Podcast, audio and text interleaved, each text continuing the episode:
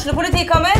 Ine Jansen er purk. Er du purk? The motherfucking bitch. Alt jeg vil, er å finne ut hva som skjedde med mannen min. Jon Carew. Er jeg sikta for noe? Iben Akeli. Det er du. Ole So, Lars Berrum og Big Daddy Karsten. Hvem sin side er du på, egentlig? Anette Hoff, Tone Danielsen, Kommer du fra Afrika? Jørnis Josef, Nesten. Kløfta. Trond Espen Seim, Det er synd å si det, men det var feil mann som døde. Purk. Premiere tirsdag på TV2 Play.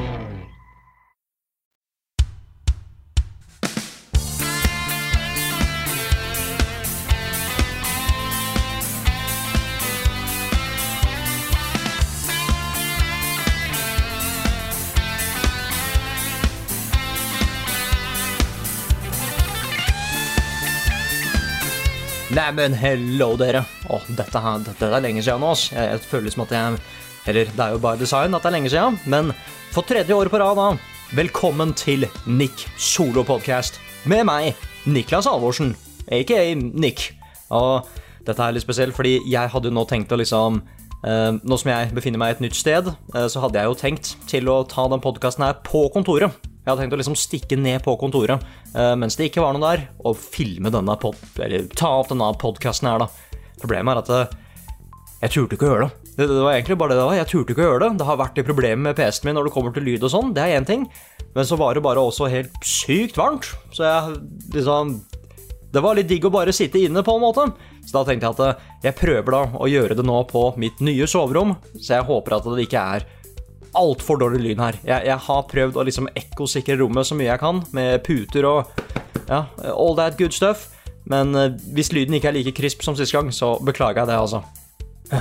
Wow. Jeg, jeg, jeg trodde jeg skulle være litt mer forberedt på det her nå, men jeg antar at det er det som skjer hvis du venter ett år mellom hver gang du tar solopodkast. Men som så vil jeg også bare beklage at eh, jeg hadde veldig lyst til å ha den podkasten her ute mens flesteparten av dere hadde ferie, sånn som sist gang, liksom. Men jeg har bare vært for opptatt, altså. Det, det, det har vært for mye klipping med noen andre ting og tang på kanalen i det siste, så da måtte jeg dessverre vente litt med solopodcasten, men det viktigste er at det ble en solopodcast, da. Det er det jeg håper at det er. Eller i hvert fall at folk tenker. Det er i hvert fall sånn jeg tenker, i hvert fall. Og jeg har gleda meg litt. Det er alltid litt koselig også å prøve solopodcast. Så ja, det er egentlig det. Jeg syns det var en ganske grei intro, så da bare setter vi i gang, tenker jeg. Så dette her er da, for tredje år på rad, Nick Solo Podcast. Ukens hotteste! Og den første spalten, da Skal vi se, nå er jeg, nå, er jeg klar, vet du. Det er, eh, slått klart da ukens hotteste. Og jeg, den her er jo litt sånn der tricky, fordi jeg føler ikke at det har Dette er litt lettere hvis det er liksom flere folk i podkasten, fordi plutselig så har det skjedd noe som involverer ja, flere folk, da. Men det jeg har lyst til da, det er at eh, akkurat som forrige gang, altså forrige gang jeg hadde solopodkast, så har jeg lyst til å gå gjennom det som har skjedd på Level Up-kanalen nå i er det Nei, nå er det noen som klipper gresset utafor, da! Det, å, herregud, det er dårlig. Jeg håper ikke det er for høyt, men det jeg har lyst til da, er å gå gjennom det som skjedde på Level Up-kanalen nå i det siste, og da mens det var sommer. Så da kan jeg si i hvert fall gå gjennom litt fort ting her. Det, det første da, var at eh, det var fortsatt podkast mens det var ferie, men det var en litt sånn spesiell podkast, fordi det var albumpodkastene til Rune, Frida og Svendsen, der de gikk gjennom sine topp ti favorittalbum og ting og tang. Tenkte at det liksom Jeg har jo ikke ti album, så jeg kunne ikke vært med på det, men jeg har spurt Carl om å kanskje gjøre det samme, bare kanskje vi skal ha våre egne topp ti albums, vi òg. Selv om Rune, Frida og Svendsen de var på en måte en litt sånn annen league, fordi de hadde faktisk ti forskjellige album de kunne finne fram til og sånn, og det er jeg ikke helt sikker på om jeg har, men jeg likte de veldig godt. Det var sånn fint avbrekk, liksom, pluss at det veldig variert musikksmak i Level Up, som jeg egentlig visste på forhånd, men det var litt gøy å bare få det helt bekrefta, ikke sant? Uh, skal vi se, akkurat som i fjor, så fortsatte Carl på en serie med videoer som han har kalt for Sommeranbefalinger, der hvor han i hver video gikk gjennom et spill som vi eller som vi sier, som han ikke hadde tid til å skikkelig anmelde for level up, og som han trodde hadde passa bra til å kose seg med mens det er sommer. Og et av de spillene var jo da blant annet Triangle Strategy, som jeg har skikkelig lyst til å spille når jeg liksom får ordentlig tid, for jeg har jo hørt at det er litt, litt sånn Game of Thrones-aktig her, med storytellingen og sånn, pluss at det bare ser kjempemorsomt ut, og jeg var veldig glad i Octobat Traveler, og det ser jo veldig, veldig likt ut, selv om gameplay er litt annerledes, men ah, når jeg får tid, så skal jeg sette meg ned med Carl sin sommeranbefaling. Å, nå, nå stoppa han å klippe gresset. Å, da må jeg bare gønne på her. Eh, fordi, eh, fordi Carl var jo ikke aleine, ikke sant? For å ha et sommerprogram nå, nå gikk det fort her. Carl var jo ikke aleine, vet når det kom til å ha sommeranbefalinger og sånn. Fordi Rune kom også med en video med navn Chill sommer, der hvor han gikk gjennom tre spill som han mener er perfekt for sommeren. Og Wow, nå husker jeg ikke hva noen av spillene het, men jeg huska liksom at det ene handla om å lage donuts, som så skikkelig skikkelig tilfredsstillende ut. Det andre handla om å jukse i kort. Og jeg mener det ene var eh, dette her Monument Valley, nå husker jeg ikke helt, men et spill som var på telefon, men som nå har kommet til Steam og PC og sånn. Så ja, skikkelig, skikkelig chill spill, rett og slett. Nei, fader, altså, nå begynte han å klippe gress igjen. Uh, men skal vi se her. Uh, Svendsen fullførte sitt level 1-run i Elden Ring. Den crazy bastard, altså. Herregud. Det, det er litt sånn derre Jeg har lyst til å prøve å gjøre det selv en eller annen gang, fordi jeg har prøvd å liksom gjøre det i andre Soul-spill òg, men Elden Ring er litt sånn derre du, du kan gjøre så fryktelig mye for å forberede deg til disse kampene og sånn, og det har gjort det veldig vanskelig å vite hvor vanskelig bossene egentlig er for meg, da. Så, så jeg, jeg har lyst til å prøve. Men jeg er ikke på det nivået i det hele tatt, ass. Så Svendsen er, Svensen er gæren, rett og slett. Så congratulations, Svens. Hva mer skjønne? Uh, jo, vi fikk inn vår nye sportsspillanmelder. Uh, skal vi se, sportsspillanmelder Bendik, som anmeldte F21 2022. Formel 1, altså. Ganske sikkert. Ja, Formel 1. Og herregud, det er jo liksom det er jo på en måte den, den spillsjangeren Nå går det fort her igjen. Det er jo den spillsjangeren vi trengte mest hjelp med, sånn egentlig. Altså, ingen av oss har liksom tatt i Fifa og Nei, det er faktisk ikke helt sant. Jeg har jo tatt litt i Fifa, men jeg bare er jo ikke, det er jo ikke snakk om å være kvalifisert til å anmelde de spillene. Så veldig, veldig kult å endelig ha en sportsspillanmelder i level up, altså. Og nå, vet du, nå er det, nå nikk-tid, skjønner du, fordi Duellen sesong to Nå, nå tulla jeg igjen, vet du, fordi det står jo i manus at Duellen er tilbake igjen med sesong to. Sesong to er ikke tilbake igjen, liksom. Det er teit. Men ja, Duellen er endelig tilbake igjen. Det er blant annet det Ikke blant annet. Det er det prosjektet som har holdt meg så busy gjennom hele sommeren og egentlig sånn veldig lenge på året, fordi vi starta ganske tidlig i år med å liksom forberede oss til sesong to av Duellen, men så skjedde det ting og tang blant annet Elden Ring og litt sånn, så det tok litt tid for at ting skulle bli ordentlig på plass. Men nå er det tilbake igjen. Og det spørs jo litt når den solopodkasten er ute, men akkurat nå så er det i hvert fall lansert to av ni episoder. Ja, det er ni episoder i den sesongen her, så den er litt mer beefy enn den forrige. Uh, så da er uh, på kanalen vår akkurat nå, da, så har du speedrun i Super Mario Bros, som er liksom premiereepisoden, og så har du Golf with your friends. Uh, jeg jeg er så spent, altså. Jeg håper folk liker den sesongen her òg. Det, det, var litt vanskelig å liksom sette seg inn og redigere en ny sesong igjen. Jeg trodde det skulle være ganske greit, fordi jeg redigerte den forrige òg, men jeg var ganske out of shape, ass. Det, det, var vanskelig å faktisk tenke at dette her skulle bli bra igjen, før jeg faktisk har kommet skikkelig i gang med klippinga. Sånn som liksom en god sketsj. Du veit ikke hvor morsomt eller hvor, ja, hvor quality det er før du har klippa det skikkelig sammen. Men eh, jeg tror det i hvert fall kommer til å bli skikkelig bra, da. Bjørn er med i år, liksom. Det syns jeg var veldig, veldig spennende.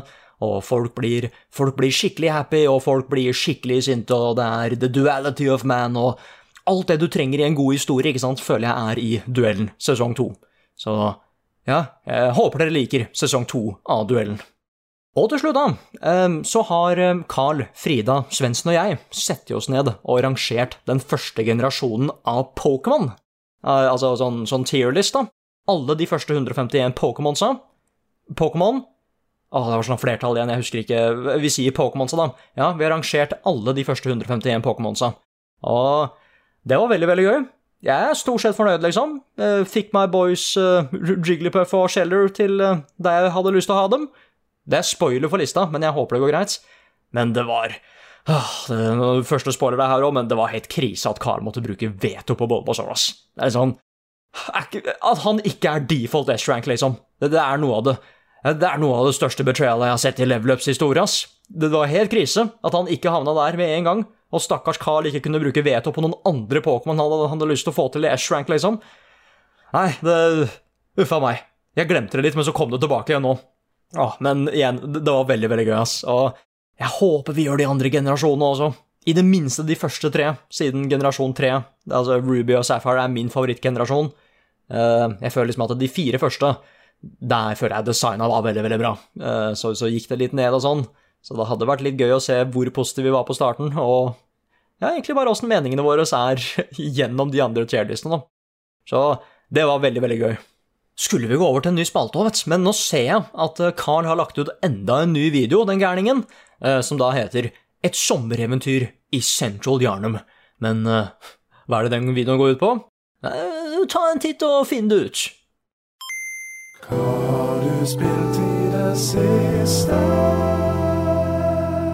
Vel, som jeg nevnte i stad, så har det ikke blitt så veldig mye spilling nå i det siste. Det har egentlig bare vært mest, eh, mest duellen. Jeg har spilt veldig mye Premiere Pro, er egentlig det jeg prøver å si, når det kommer til redigering og sånn. Eh, Men jeg, har, jeg, jeg har spilt jeg, jeg spilte Smash med Svendsen og Espen på kontoret. Det var veldig, veldig gøy. Og ellers så har det liksom bare Nei, så fort jeg liksom får tak i en ferie her, så har jeg lyst til å liksom spille et par ting, da. Jeg har lyst til å streame Stray, blant annet. Dette fine kattespillet. Tror jeg kunne blitt en fin stream. Eh, Jeg har lyst til å spille dette her eh, eh, Live Alive. Live Alive. Live Alive. Det nye Nintendo-spillet. Nei, ikke det nye, det er jo ikke nytt. Det er en remake eller en remaster av et gammelt spill som ikke kom til Europa før nå, tror jeg. Så det ser veldig kult ut. Det nye Digimon-spillet har jeg lyst til å spille. Eh, Digimon versus, eller hva den heter. Nei, Digimon Survive, så klart. Der folka kan dø i historien og sånn. Det syns jeg høres veldig spennende ut. Og så liksom dette, dette multiversus ser veldig gøy ut. En sånn eh, Jeg er alltid på utsikt etter en, en god Smash-klone, liksom, så det kunne vært kult. The Cult of Lamb har jeg lyst til, veldig lyst til å prøve. Det ser kjempemorsomt ut. Så har jeg lyst til å få til en sånn der Final Fantasy 7-stream, altså. Som eh, jeg vet det har vært litt snakk om det i podkasten av og til fra Carl og sånn. Carl har veldig lyst til at jeg skal eh, streame Final Fantasy 7. Det skjer ting i denne historien, tydeligvis. Jeg var så glad i remaken nå, ikke sant, så jeg hadde tenkt å kanskje vente med remake del 2. Men jeg tenker at eh, ja, La oss oppleve det første Final Fantasy Det første Final Fantasy 7, si. Men ja, la oss oppleve Final Fantasy 7 på stream. Det tror jeg kunne vært litt kult. Så, men, eh, men ellers så har jeg ikke, har jeg ikke spilt så mye. Åh, nå klipper ikke han gresset heller, innser jeg nå. Det var superdigg.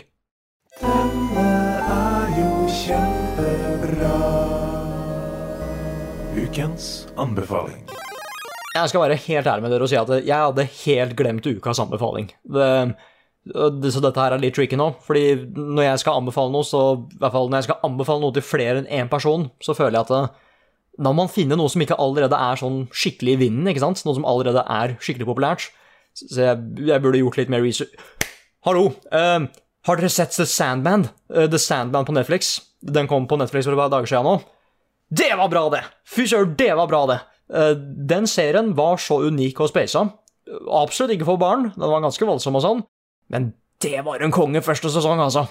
Det er en form for sånn derre Ja, åssen skal jeg beskrive Det er ikke akkurat en superheltserie, liksom, men den har ganske stort fokus på liksom eh, overnaturlige ting og litt skrekk og skikkelig kule konsepter, da. Og jeg visste så å si ingenting da jeg startet å se på. Det eneste jeg hadde hørt, var at det, det var basert på en tegneserie fra 80-tallet eller 90-tallet eller et eller annet sånt. Og jeg hadde liksom da hørt at store deler av fansen gleda seg ekstremt mye fordi det så ut til å være en veldig god adopsjon. da. Og nå som jeg har sett alt, så er jeg veldig veldig glad for at jeg ikke visste noe særlig på forhånd, fordi det var så spennende, altså. Det, det var skikkelig uforutsigbart. Skikkelig weird. Og når jeg trodde at ting ikke kunne bli bedre etter episode fem, som jeg syns kanskje var en sånn ti av ti-episode, liksom, så dukka episode seks opp. Og jeg tror ikke jeg har sett en bedre episode fra noen andre serier i år, ass. Det er en ganske crazy ting å si, for det har det har vært ganske god TV i år. Å, men episode seks var så Det var perfekt storytelling, ass. Det var vakkert vare. Det, det var en sånn perfekt uh, Det var en sånn derre En skikkelig, skikkelig bra kortfilm midt i en serie. Det var kjempebra. Så ja, The Sandman var kjempebra. Jeg anbefaler den skikkelig. Eh, Den er kanskje ikke, den er kanskje ikke for alle, men ja, det var så forfriskende, altså. Det var en skikkelig forfriskende, kul ting. Her kommer nyheter med Meg! Og han har hår. Det har ikke dukket opp så veldig mye nytt på nyhetsfronten i det siste. Eller rettere sagt, det har dukket opp nyheter og sånn, men nye nyheter som ikke ble nevnt i den forrige episoden av Level Backup, det burde jeg egentlig si. Pluss at eh, siden jeg ikke vet nøyaktig når den podkasten her kommer til å bli lansert, så er jeg litt redd for å stjele noen av de store nyhetene fra Rune, da, for han er jo, han er jo the newsman. Men jeg skal, jeg skal gjøre så godt jeg kan. Så, skal vi se her. Extra, extra, read all about it! Uh, Dragon Ball skal komme eller har kanskje kommet, til Fortnite nå. Spørs når den podkasten her er ute og sånn. Så nå kan du snart ha Goku med guns. Um, Jeff Keeley, som står bak The Game Awards og litt sånn, har nå vært ute og sagt at Gamescom kommer til å bli ganske stilig i år. Uh, Gamescom mener jeg det er en sånn årlig spillmesse i uh, Tyskland burde søkt opp, uh, men ja, så ifølge Jeff Keeley så kommer de til å vise fram et par store ting da, eh, 23. august, så det høres ut som en ganske god level up-stream. Jeg innser at det her egentlig er ganske store nyheter, eh, så dette kommer mest sannsynlig til også å bli nevnt av Rune også. Så eh, sorry for det. Skal vi se om det er noen siste nyheter her. Vi... Ja, eh, extra, extra, read all about it. Eh, det kommer et spill der du styrer et ekorn med en pistol. Ku- eh, extra, extra, read all about it. Uh, Breaking Bad-skaperen Vince Gilligan hadde lyst til å lage et Grand Theft Auto-lignende spill basert på serien.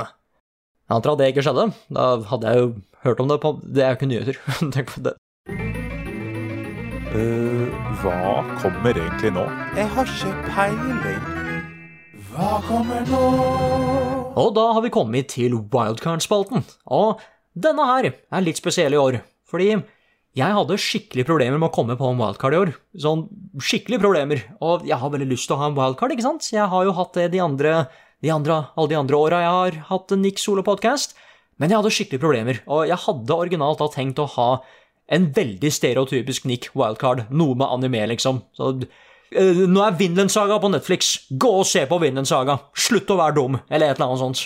Men eh, akkurat som i fjor, så, så har jeg også liksom bedt om spørsmål da, til denne solopodcasten. Og gud bedre, vi kommer til å svare på en del spørsmål seinere, for å si det sånn. Men et av de spørsmålene jeg fikk da, det var fra Hans Erik Micaelsen, Og han spurte da Du har anmeldt mange spill du har gitt ti av ti, men hva er det beste av de spillene? Og jeg tenkte da at det er et bra spørsmål, liksom, og jeg virkelig tenker på hva som er det beste spillet. Men så, skjønner du, så dukka det opp ett spørsmål til som et svar på det spørsmålet. Og det er da fra Guri Lotte Regnbodal. Guri Lotte? Guri Lotte Regnbodal. Og hun sa da Lag en liste over alle ti av ti-spillene, og ranger de fra dårligst til best. Det blir gøy å høre. Og det er en kjempegod idé. Det er faktisk en så god idé at vi tar det spørsmålet der og gjør det til en wildcard-spalte. Og så er det noe at jeg har tenkt på det litt selv, ikke sant, sånn av og til. At det bare, ja, hvis vi måtte være så gærne og rangere de ti av ti spillene der, hvem er faktisk verst, og hvem er faktisk best? Jeg tror ikke det blir så lett. Men i hvert fall, tusen takk, Guri Lotte Rainbow Dal, og dette her er da Nick rangerer sine ti av ti spill. Nå skal jeg bare ta en liten slurk med vann, for det ble ganske varmt her. Jeg får opp den korken her, da. Der, da. All right. Fordi for å sette ting litt i perspektiv her, da, så måtte jeg gjøre litt research på, det, på den lista her, da.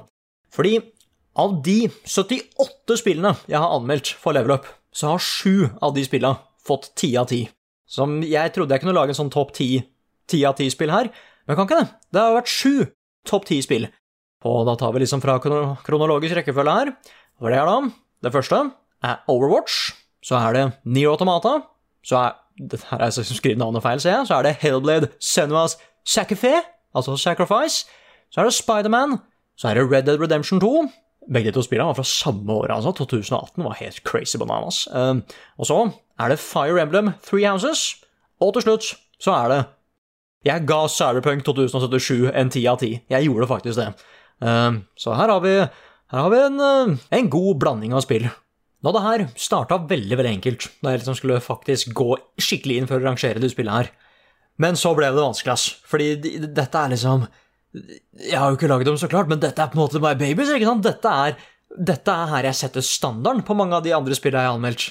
Har et, har et annet spill i den samme sjangeren fått en dårligere score, så kan det skyldes grunn de spillene her, ikke sant? Fordi igjen, disse spillene har satt standarden. Disse spillene er den drithøye standarden jeg ser etter. Og dette, dette er en ganske big deal. Men ok, da setter vi i gang. Det er sju spill som har fått ti av ti fra meg, og det sjuende spillet, altså på sjuendeplass, er da Overwatch. Og det er egentlig den eneste grunnen er vel egentlig bare det at eh, dette er et eh, helt dette er et sykt bra partyspill. Det egentlig, eller det er feil å si partyspill, det er jo skikkelig e-sport i det òg, så klart. Men det var egentlig bare det at dette var så bra jeg hadde sett det, på en måte. At jeg hadde spilt mange spill i den samme type i sjangeren, og jeg kom liksom ikke på noe som hadde gjort det bedre enn Overwatch. Så det var det beste av sitt slag, og derfor fikk det ti av ti. Det sånn eh, Det ble faktisk en skikkelig heated debate mellom meg og Lars på det her, fordi jeg anmeldte det spillet her med Lars, og han ville gi det ni, og jeg ville gi det ti. Forskjellen var det at eh, han mente at det ikke var eh, like gøy å spille aleine, mens jeg sa det at eh, du kan på en måte ikke straffe spillet for det, fordi det er på en måte sånn spill er lagd, ikke sant? Det er et lagspill, så jeg føler det blir feil å ikke da ja, å trekke et poeng for det, så vi måtte da få inn Rune og Carl som juryen for å finne ut av hvem som hadde rett her, og da ble vi til slutt enige om at vet du hva, vi gir det to scorer, så Lars ga det ni, og jeg ga det ti. Åh, det Åh, det er så lenge siden nå, ass. Det var good times. Men all right, på sjetteplass da, så har vi Fire Emblem Three Houses.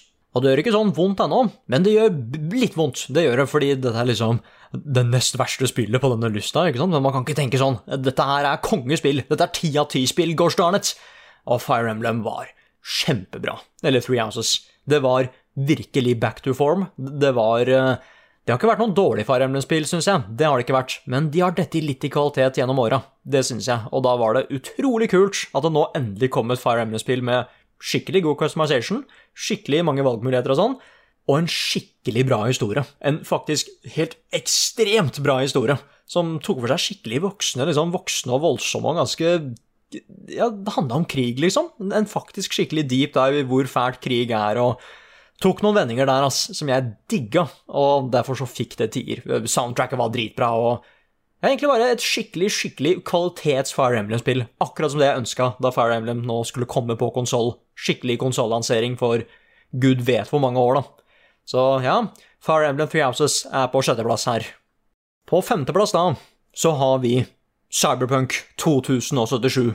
Og det er eh, Igjen, jeg veit liksom at Jeg, jeg veit jeg, jeg vet at jeg slutta å være anmelder da jeg ga det spillet ti av ti, jeg har hørt det før og sånn, men det er sånn derre Jo, det var skikkelig, skikkelig buggy, uh, og det, det, lanseringen var ikke helt bra, og det, det, liksom den originale liksom, versjonene til PlayStation 3 Nei, PlayStation 3, det hadde vært morsomt. Uh, PlayStation 4 og de forrige konsollgenerasjonene og sånn. Det var absolutt ikke ferdig, og masse, masse krøll. Men det bare Jeg, jeg understrekte veldig at opplevelsen min var ikke sånn. At eh, jeg fikk en skikkelig smooth og kul opplevelse. Eh, Og når jeg da ikke tenkte på bugsa, så var det her et virkelig kult og ikke revolusjonerende, akkurat, det var det ikke, men et ordentlig frisk pust når det kom til open world-spill, da. Verden var kjempeinteressant og kjempekul å utforske, i hvert fall fordi jeg hadde lest så mye om den før, ikke sant, så det å faktisk gå i den og sånn var kjempekult. Nei, det var egentlig bare jeg, Open Worlds er favorittsjangeren min, og jeg fikk noe som føltes veldig, veldig nytt ut, selv om jo, det har så klart mangler og sånn, men jeg bare jeg ble så blåst av banen av det som var så bra der, da. Sideoppdragene var Jeg har ikke sett bedre sideoppdrag i et spill som jeg har sett i Cyberpunk, og det sier ganske mye, fordi Witcher fins og litt sånn, men det var, det var så godt gjennomført. Og det var egentlig bare Altså, igjen, jeg, jeg syns kjempesynd på de som fikk en dårlig opplevelse, da, som var kjempespente på spillet, og som ble bombardert av bugs og ting og tang, og jeg, jeg har veldig sympati for de, fordi dette har skjedd med meg òg. Men det her er et prima eksempel på at jeg pleier av og til å tenke litt sånn tilbake at hm, kanskje jeg var bitte litt for snill med det spillet. Men hvis det skjer at det dukker opp spill hvor jeg angrer på at jeg ikke ga den en topp score, liksom i ettertid, bare fy faen, jeg, jeg skulle vært så mye mer snillere med det spillet. Jeg hater når det skjer. Det har ikke skjedd ofte, liksom, men jeg hater å måtte tenke at jeg kommer til å angre på å ikke gi det tier. Og når jeg da føler det om et spill, da ble det liksom bare at vet du hva, dette er 100% subjektivt, jeg må bare si det som det er, i hvert fall for min egen del. Dette her syns jeg var dritbra, og derfor så gir jeg Cyberpunk en ti av ti. Det var litt skummelt, så klart, jeg hadde hørt ting og sånn, men jeg Igjen, jeg ble blåst av banen av det jeg fikk. Jeg digga det, og jeg håper det kommer en DLC eller bare et eller annet mer snart, for jeg vil ha en grunn til å dra tilbake igjen til det universet der. Så ja, Cyberpunk er på femteplass. Og nå begynner det å gjøre vondt, ass, fordi På fjerdeplass, da, så har vi Hellblade Senuas Sacrifice. Og det er Å, dette her gjør så vondt, fordi dette er et Dette her er et kvalitetsspill, altså. Det spillet her har en så god historie, som er fullstendig hjerteskjærende, men også fryktelig vakker, altså. Det, det er et ut... Åh, det er, dette er vanskelig å snakke om uten å spoile, så klart. men jeg fikk så sympati for den karakteren. Hva den karakteren liksom hadde Hvilke problemer karakteren hadde gått gjennom, Senna altså, og hva Senna nå måtte gjennom i det spillet her. Jeg ble helt flabbergasted av hvor bra den var. Og det var litt gøy òg, fordi jeg visste ingenting om spillet til å begynne med. Jeg så liksom bare at Oi, et, et spill som er basert på norrøn mytologi? Ei, jeg har litt tid til overs akkurat nå. Kanskje jeg skal spørre om jeg skal anmelde det. Og det var ikke noe stress. Spurte bare pent kan jeg anmelde spillet. Ja, det kan du. Og jeg, jeg, ble helt satt ut av hvor bra det var. ass. Måten det spillet brukte lyd og sånn for å sette meg i posisjonen til Senua. Og ah, igjen, eh, jeg, hvis, hvis, ting treffer meg skikkelig, så pleier jeg, å, pleier jeg å felle en tåre, liksom. Men jeg var helt ødelagt på slutten av det spillet. Det var så sterkt. Og når det kommer til å liksom sette standarden på ting og sånn, veldig ofte, jeg hvis jeg er streng på historier til et spill, og jeg føler at historien ikke er on par og ting og tang, hvis jeg da er veldig streng med det spillet, så kan det skyldes av Hellblade, da. Fordi Hellblade er sånn Det er en sånn Jeg veit hvor bra det kan bli, da, på en måte. Hvis du tar et konsept og bare virkelig utforsker det konseptet, og du har en skikkelig god forståelse på åssen historien sin struktur skal bli bygd opp, og ting og tang, da blir det litt sånn at det bare Ja, historien din var ikke dårlig, liksom, men jeg veit hvor bra det kan bli, ikke sant? Og det er, på grunn av, det er blant annet på grunn av spill som Hellblade, Senvas, nå sier jeg det, Senvas Sacrifice, ikke Sacrify igjen, selv om det står på manus. Så ja, det, det gjør så vondt å ha det liksom på fjerdeplass, for dette er liksom Dette er in the realm av noe av det beste jeg har spilt. Men uh, Senua Sacrifice er da på fjerdeplass. Et helt kongebra spill. Anbefaler alle å spille det. Og da har vi kommet til topp tre. Right? Så på tredjeplass nå så har vi Red Dead, Red Dead Redemption 2. Og det er egentlig samme grunn som eh, Cyberpunk, sånn egentlig. Eller, eller vet du hva, ikke helt. Fordi det, det, liksom, det beste Open World-spillet som jeg hadde spilt liksom før det her, eller egentlig bare det, kanskje noe av det beste ever, det var det første Red Dead. Det første Red Dead Redemption. Og da tenker jeg liksom det at eh, ok, greit, nå har det gått ganske lang tid siden vi har fått en oppfølger. Men det første spillet var så bra at jeg, at jeg faktisk oppriktig tenkte kanskje det ikke er så lurt at vi får enda en eh, Red Dead Redemption nå, fordi åssen kan det egentlig bli gjort bedre, på en måte? Altså, den åpne verden var dritbra designa, det var skikkelig stilige og interessante sideaktiviteter, karakterene var kjempesterke, og historien var jo a masterpiece. Så igjen, er dette her egentlig en så veldig, veldig god idé? Eh, men så sa de det at det neste spillet skulle da være en prequel. Og det kunne være ganske spennende, fordi det skjedde Du hører om veldig mange kule ting i det originale Red Dead Redemption, og det å da liksom kunne spille gjennom det, det kunne, det kunne vært litt kult. Eh, så vi da er en helt ny karakter, Arthur Morgan, og jeg tenker jo da først at ja, ja, ja, vi får være en ny karakter, da. Han blir jo ikke han blir jo ikke like kul som han forrige, liksom, si, Joel Marston, men vi får bare se hvor det går hen. Og da husker jeg at så fort det spillet var ferdig, så ble jeg sånn Jeg kan ikke tro at historien her er over. Får jeg ikke noe mer doser av Arthur Morgan liksom nå? Det, det, jeg husker liksom hvor mye jeg ble skifta her, da. Med at ja, ok, det var historien hans, og nå er det John Marston. John Marston er kul, men vet du hva? Han er ikke Arthur Morgan lenger nå. Jeg ble så glad i den karakteren. Eh, den åpne verden var også kjempebra. Den var mye mer, mye, mye mer åpen enn det den var fra det forrige spillet. Sideoppdragene var mye mer komplekse. Det var bare mer å gjøre i den verden. Men herregud, det spillet er så polished. Det er, det er sånn Jeg forventer ikke at et spill skal være så polished. Altså, det som blir lansert nå, da. Jeg sa i anmeldelsen at det spillet er fra fremtiden, og det føles fortsatt sånn ut på åssen det faktisk fungerer. Åssen den åpne verden fungerer i det spillet her. Det føles veldig, veldig ut som at det, mange sier liksom at ja, den verden går Hjula går rundt i den verden når jeg ikke er der. Men her føltes det faktisk sånn at jeg gikk oppriktig glipp av ting fordi det var så mange små detaljer og samtaler som karakterene kunne ha, og Nei, liksom det, det, var et så stort fokus på å gjøre det til en ordentlig levende verden, og det var en grunn til at det kom veldig, veldig høyt. Og så var det bare en kjempeinnertier med hvor bra den historien faktisk var. Den var bedre enn den første, som jeg ikke trodde liksom var mulig å få til. Men de, de naila det, altså. Det, det var følelser overalt. Og igjen, slutten var Slutten var sånn det, det, var helt perfekt! Det var helt perfekt! Det var akkurat det. Når jeg tenker på liksom gode prequels-historier og sånn, så er det kanskje det beste jeg har sett. Både når det kommer til film og serier og spill. Så ja, det er Fortsatt et spill fra fremtiden. Jeg har ikke sett en så polished open world ennå, liksom. eller igjen, etter Red Dead Redemption 2, og derfor så er Red Dead Redemption 2 det Jeg klarer ikke å si det, vet du. Red Dead Redemption 2 på tredjeplass av mine ti av ti spill.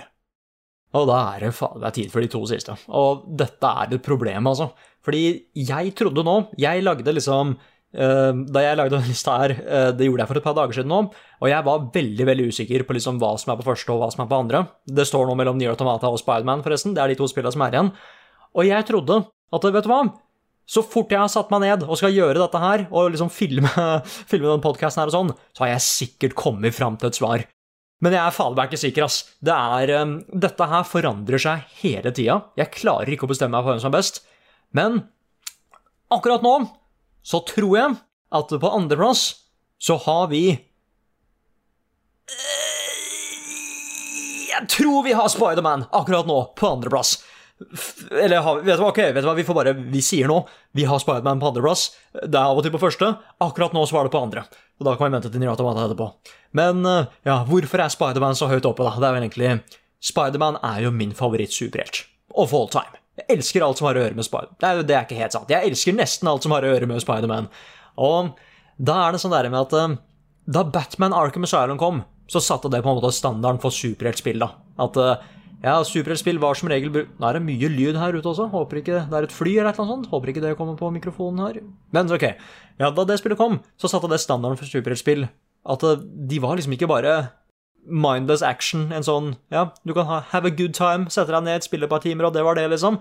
Det var faktisk en ordentlig bra historie. Skikkelig bra gameplay. Skikkelig sterke karakterer. Og rett og slett et skikkelig kvalitetsspill, liksom. Noe av det beste som kom det året.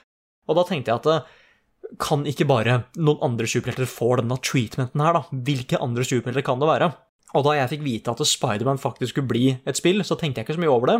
Men så begynte jeg også å tenke at eh, wow, Batman og Arkham Asylum var bra. Hva hvis Spiderman får den samme treatmenten? Og ikke bare fikk de den samme treatmenten, de fikk Det er det beste superheltspillet jeg noen gang har spilt. Jeg, er så spent på Spiderman 2 på grunn av det, men det var egentlig bare det at eh, vi spilte en eldre Spiderman, og jeg syns de historiene er de mest spennende fra tegneserien, fordi jeg er på en måte i det samme punktet i livet akkurat nå, ikke sant? sånn som det han eldre Spiderman er. Men så er det bare at eh, de vanskeligste valga Spiderman tar for, for å holde det så spoilerfritt som mulig, da. Jeg var redd for at det bare skulle handle om Spiderman, ikke sant? Men Spiderman er jo Peter Parker òg. Og når jeg da så hvor svært fokus det var på å fortelle historien til Peter Parker, da var jeg 100% on board. Det var sånn OK, skal dere lage et Spiderman-spill, liksom? Dere som har lagd Ratchet Clank? Jeg er ikke helt sikker, men når jeg så hvilke fokus de hadde på Peter Parker, da var det bare OK, herregud, sorry for at jeg- Sorry for at jeg dauta dere, jeg veit ikke hva jeg tenkte, altså. Jeg var en dust, rett og slett. Gjør det dere gjør nå, for dere vet hva dere gjør. Dere er åpenbart fan av Spiderman. Og det var helt konge, altså. Historien var 110% Spiderman. Det var det jeg håpa liksom Marvel skulle gjøre med Spiderman-filmene sine, og egentlig bare seinere, eller til og med før Marvel òg, for dette her er en av de beste Spiderman-historiene jeg både har sett Ikke lest, akkurat, men liksom av det jeg har lest og sett og hørt og ting og tang, så er dette her en av de aller beste. Og det er jo sånn her at liksom, når anmeldere sier at uh, It really makes you feel like Spiderman Jeg er ikke noe glad i det, jeg heller, men akkurat i det tilfellet her så får de lov til å si det. Fordi gameplay-messig så var det her helt perfect for meg. Det var combaten til Arkham Asylum, bare satt i en mye mer smidig superhelt. Og jeg synes det var en perfect match. Det var kjempegøy, og jeg elska å svinge rundt omkring. Jeg kunne gå tilbake til det spillet bare for å svinge rundt i byen, for å slappe av, liksom. Eller høre på en podkast eller bare et eller annet sånt. Det sier hvor gøy det var å være Spiderman. Og igjen, Spiderman er Peter Parker òg. Og det, valgene han tok i det spillet her, er grunnen til at jeg liksom elsker disse mer voksne Peter Parker-historiene. Dette her var vanskelige valg, og slutten på det spillet er fortsatt noe av det mest Spiderman jeg har sett. Dette er liksom Snakk om helbred igjen. Dette er så bra det kan bli, altså! Hvorfor kan ikke filmene som kommer, nå være så bra som det her? Jeg digga absolutt alt med det, liksom. Jeg, jeg vet ikke jeg, jeg tenker liksom at ja, bare så lenge jeg får det her pluss mer, så er oppfølgeren en banker, eh, bankers for meg, liksom. Men jeg vet liksom ikke åssen de faktisk skal klare å overgå det første Spiderman her, ass. De naila det på aller første forsøk. Nei, så Nå angrer jeg på at jeg hadde det på andreplass, altså, når jeg snakker om det nå. Jeg er så glad i det Spiderman-spillet her, men vi får, bare, vi får bare stå i det. Og på førsteplass da, så har vi fader meg Near Automata.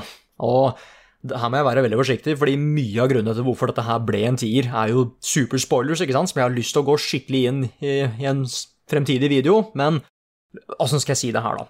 Eh, Min favorittspillkar, det er jo Yoko Taro. Eh, Og grunnen til det er fordi at eh, Yoko Taro er veldig, veldig glad i å han er veldig veldig glad i å liksom ta disse klisjeene og konseptene som du vanligvis finner i fantasy-historier og sånn, og gi en liten spesiell, litt for realistisk og artig vri på det, da. Eh, og det som er da, er at jeg er så glad i fantasyspill, spesielt de fra Japan. De får til veldig mange interessante historier og sånn, men det er så utrolig mye som er likt. Det er så utrolig mange klisjeer og de samme karakterene og de samme storybeatsa som går i så mange andre spill. Og derfor så husker jeg liksom at da jeg spilte det første Near da, så så jeg bare på det som nok et fantasyspill med Ja, det var litt blod der og sånn, det så det så litt mer voksent ut, men fortsatt kanskje den samme greia. Men det tok veldig, veldig kort tid før du liksom skjønte at dæven, dette her er et helt annet beist, altså. Fordi her, her dreit de mye klisjeer, rett og slett. Og det ble veldig sånn at hadde det egentlig vært så kult å levd i denne fantasiverdenen her? Jeg er ikke så sikker på det, ass. Nei, så han, han viser liksom både de fine og vakre, liksom, men også de mørkeste sidene av fantasy. Og det syns jeg er kjempeinteressant. Og når jeg da hørte at Near skal få en oppfølger, da Near Automata, satt hva det der, 5000 år i fremtida, liksom, så ble jeg litt sånn eh, Vet ikke hvor mye liksom, likheter og hvor mye som jeg kan ta fra Near og putte det i Near Automata, liksom. Er det noen koblinger og sånn? Og ah, hva er det jeg kan si her, da? Jeg har aldri vært liksom så spent med å sette meg ned med et Ok, en av de Spiderman er ganske høyt oppe igjen, og God of War er ganske, ganske høyt oppe, det òg. Men det å sette seg ned med et Yokotaro-spill er alltid kjempespennende, fordi du aner ikke hva gærningen tenker, ikke sant? Og hvor historien kommer til å gå hen, åssen karakterene er, hva settingen egentlig handler om. Det er alltid så mange mysterier og så mange kule potensielle ting da, i disse Yokotaro-spillene. Og hvis det har vært én ting som har av og til holdt de litt tilbake, da, så er det gameplay-fronten. Det har alltid liksom vært at fokuset er historien, og gameplay er litt sånn second nature. Hvis du får jobben gjort, så får du jobben gjort. Men her så fikk de hjelp fra Platinum Games, da, som er en av mine favorittspillfolk når det kommer til å designe dritkule actionopplevelser. Og det var a match made in heaven, rett og slett. Du hadde liksom en av de beste historiene fra Yokotaro med noe av det beste gameplay òg. Nei, og så var det egentlig bare det at eh, disse spillene må spilles gjennom flere ganger. Det må du i alle spillene, for det er mange forskjellige slutter. Og jeg tenkte liksom at da jeg hadde spilt gjennom det for første gang, så Det var bra, liksom. Men det var ikke helt det første Near. Jeg hadde gitt en sånn åtte av ti-ish, så jeg spilte gjennom det en gang til. Og ja, det var et par andre ting som skjedde i den historien der og da, liksom. Andre perspektiver og sånn. Men tenkte ikke så mye over det. Men så kommer den tredje gjennomspillingen av det spillet. Og igjen, skal ikke spoile hva det er, men jeg ble helt blåst av banen på hva det viste seg å være, da. Hva Nier Automata egentlig var. Og det var helt konge. Jeg, jeg, jeg grua meg til å bli ferdig med det, fordi det skjedde så crazy og spennende ting hele tiden i denne historien. Soundtracket er noe, fortsatt noe av det aller beste jeg har hørt, og det kommer liksom fra Near, som var noe av det aller beste jeg har hørt. De bare gjorde det igjen, rett og slett. De har ikke snakket om hva spillet egentlig handler om, men det handler om androider og sånn, og de bare de utforsker det konseptet så mye. Hva vil det egentlig si å være en androide, da, hvis du er lagd for krig, liksom, og identitet og Nei, det var um, Det fikk meg til å tenke, rett og slett. Det fikk meg til å tenke skikkelig. Og jeg ble fullstendig destroyed av enkelte ting som skjedde i denne historien her. Så destroyed at jeg måtte ta pause, liksom. Nei, ja, det er uh, De spillene er alltid en opplevelse. Det var, et, det var et eget språk i det spillet som jeg endte opp med å lære òg, fordi det var så jeg, jeg ble så hooked på det spillet. Jeg ble fullstendig lost i det. Og det bare så lenge du er litt intrigued i at det er aliens som dukker opp på jorda, og, de, og menneskeheten da sender roboter for å slåss mot dem Hvis du syns at det er virkelig kult, alien mot roboter, så gi det her en sjanse. Den historien her kommer til å ta deg places. Det er det jeg kan si. Den kommer til å ta deg places. Fordi, nå, nå, er jeg glad for at den her er på toppen, ikke sant? Nå som jeg snakka skikkelig om Nier Automata, nå er jeg glad for at den er på toppen. Og der, der kan du se hvor ofte liksom Spiderman og Nier Automata skifter, fordi de er liksom de er, de er, mine perfekte spill av forskjellige grunner, ikke sant? så de driver og fighter om den plassen her, og Nei, det Fy søren, ass. Det er noen skikkelig gode spillere på den lista her. Så Så ja. Det var uh, Nick rangerer sine ti av ti spill, i hvert fall de spillene han har gitt ti av ti til level up. Så vil jeg bare nok en gang si tusen takk til Guri Lotte Reibo Dahl. Dette var en skikkelig, skikkelig god idé. Jeg, du redda meg, for jeg hadde ikke noen uh, ordentlige liksom, wildcard-spalter her klare i år. Så dette her, uh, dette var en skikkelig god idé. Varenes best, hvor var fredag sist? Har Carl egentlig sopp? Ukens spørsmål. Og da er det endelig tid for ukens spørsmål, og det, er jo den beste delen. Det er jo det det er, ikke sant? Dette er den delen jeg gleder meg mest til hvert år. Og akkurat som, ja, akkurat som de andre åra da, hvor det var solopodcast, så har jeg fått inn mange spørsmål. En buttload med spørsmål fra Facebook, Patron, Discord og til og med et par direktemeldinger her og der. Så vi- har nok å svare på, for å si det sånn. Og det er jo nesten egentlig det hele Så å si halve podkasten blir som regel, at jeg svarer på spørsmål. Men det er så koselig. Det er bare så good times å svare på spørsmål. Så da tenker jeg at vi bare setter i gang. Jeg har da funnet over 20 spørsmål, så dette er en, dette er en god dose med spørsmål, liksom. Og det første spørsmålet er da Hans Christian Andersen spør hvordan er det å bo i Oslo? Fordi det var det som var greia, ikke sant? At jeg, eh, jeg, jeg hadde jo da muligheten til å flytte til Oslo når Level Up eh, gjorde det litt bedre og jeg fikk eh, fulltidsstilling og sånn. Så ja, det er ganske sweet å bo i Oslo. Det er det, ass. Jeg syns det var dritskummelt på starten, fordi det var så mange folk, og jeg trodde det skulle være midt i sentrum, men det er det heldigvis ikke. Det er overraskende rolig der jeg bor, i hvert fall. Men uh, igjen, var litt skummelt på starten. Uh, helt nytt sted og ting og tang. Men nå liker jeg det veldig godt, ass. Jeg, jeg er i nærheten av masse kule ting. Eh, jeg kan jo så å si liksom bare Jeg kan jo slå hjul til kontoret. Kontoret er jo kjempenærme der jeg bor, så det er ganske digg. Får en fin gåtur og sånn. Så det er ganske nice. Og så har jeg bestilt masse god mat og sånn. Så det er ganske Ja, så langt så er det ganske, ganske stilig å bo i Oslo. Og da er det tre stykker som har spurt om nesten nøyaktig den samme tingen, fordi Skal vi se her Cappy, Maskin-David og Andy King spør hva syns du om Better Call Saul? Det er så bra, ass. Det er så Det er bra nå, ass! Det er, det er den siste sesongen nå, liksom, og jeg har ikke sett eh, Den ble jo delt i to deler. Jeg har ikke sett alle episodene av del to, men fy søren, det er bra nå, ass. Det er eh, jeg, jeg likte det veldig, veldig godt, liksom, og jeg likte Breaking Bad veldig godt òg, men den eh, jeg hadde litt problemer etter hvert med Breaking Bad, og den uh, satte opp en del feller som jeg føler at Better Call Saul bare har unngått fullstendig, da. Så jeg er kjempespent på å se åssen det her slutter nå. Det er rett og slett skikkelig kvalitets-TV. Neste spørsmål det, å, Herregud, dette Det her er så gøy, ass! Det er så gøy å svare på spørsmål. Skal vi se.